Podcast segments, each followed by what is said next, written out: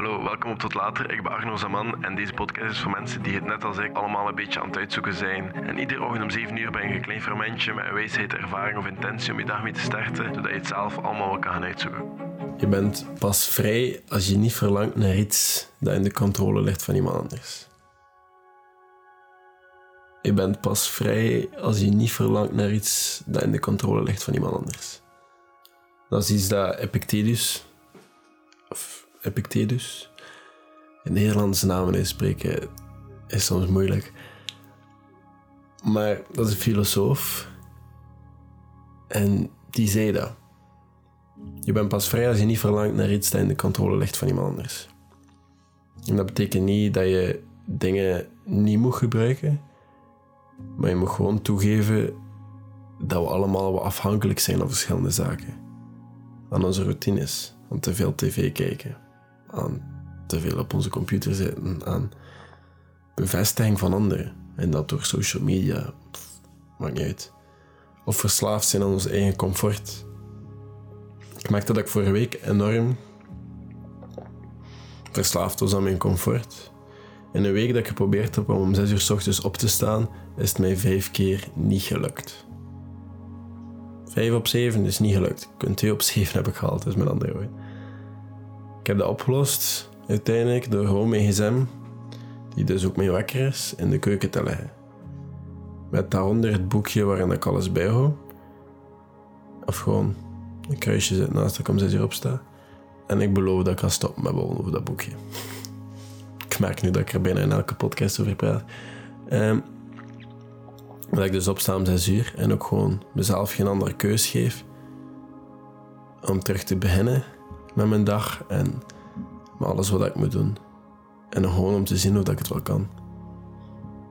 En dankzij dat competitieve deel in mij werken zulke dingen wel, zulke challenges. En maar als mijn wekker afhing op mijn nachtkastje, of ja, een tafeltje eigenlijk, ik zet dat uit en mijn bed is gewoon te comfortabel. En soms weet ik zelfs niet dat ik het heb uitgezet.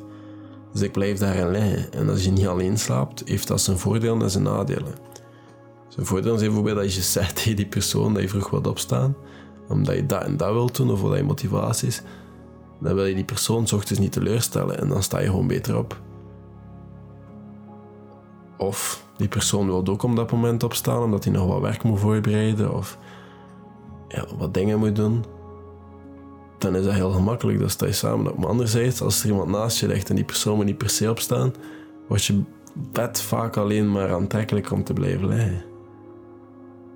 Dus het waren wat dilemma's voor week. Nou zijn wel afhankelijk aan heel veel zaken, waarvan dat comfort gewoon een hele grote is. En het ding is, als die verslavingen, als die plots wegvallen, stel je, je bent nu een scherpe routine aan het volgen met strikte workouts en in mijn geval gericht op klimmen en wat lopen om mijn uithouding te verbeteren. Als ik morgen een accident heb, waardoor ik moet revalideren in plaats van mijn klimmen te verbeteren, dan zit ik in de problemen. Hè? Als ik te afhankelijk werd van mijn routine, maar zo'n accident kan heel veel veranderen. En ik weet, het is niet het ideale voorbeeld. Maar ook je omgeving. Wat je kan doen en wat je niet meer kan doen, dat verandert. En je gaat verwonderd zijn aan hoeveel dingen dat je eigenlijk afhankelijk bent, maar je afhankelijk bent door die gewoon bloot te stellen. En dat is enkel maar een reden om er vandaag alles uit te halen. Als ik morgen haal, is dat extra. Hij speelt niet met extra tijd, want de dag daarna is weer extra.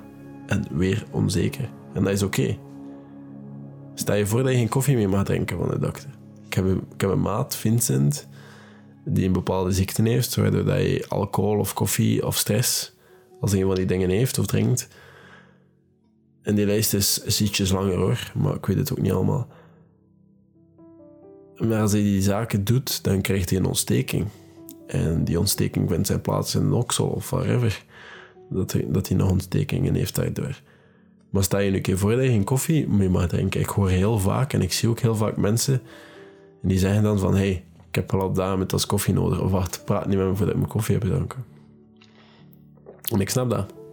En dat komt ook terug naar die comfort. Die warme tas koffie in de morgen dat je een beetje wakker maakt.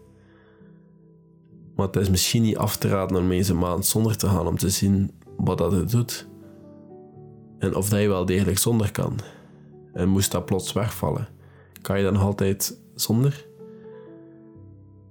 En nadat je een maand zonder bent gekomen, kan je nog altijd zelf beslissen om verder te gaan met koffie te drinken.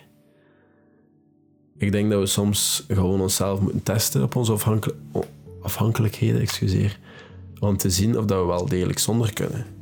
En ook gewoon om te vermijden dat die afhankelijkheden te groot worden. Je kan al die dingen simpel testen volgens mij. De hoe is, is meestal vrij simpel. Het echt doen, dat is wat moeilijker. Kan je een maand zonder takeaway food, bijvoorbeeld? Ik heb daar een tijdje moeilijk mee gehad, nu niet meer, maar kan je een maand een dieet volgen?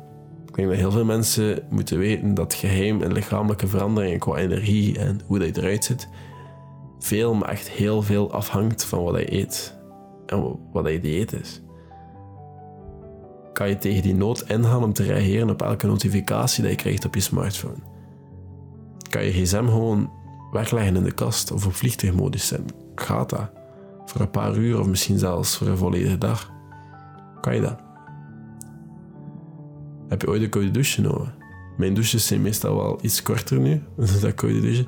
Maar ik pak dagelijks een koude douche. En dat zorgt ervoor dat ik veel minder moeite heb met dingen te starten en niet altijd de nood heb om dingen te laten liggen of te wachten.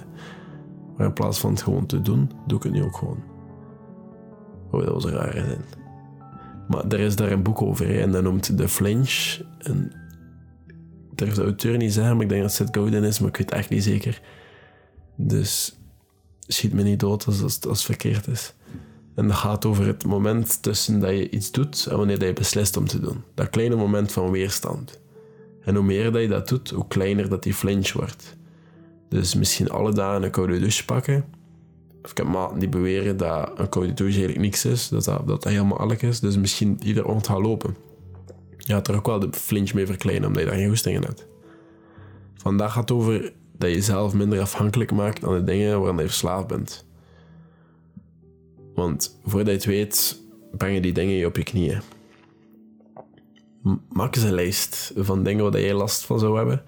Moesten ze verdwijnen en kijk wat de moeite waard is om op proef te stellen en om te kijken of dat je wel zonder kan, of dat misschien zelfs niet beter is zonder.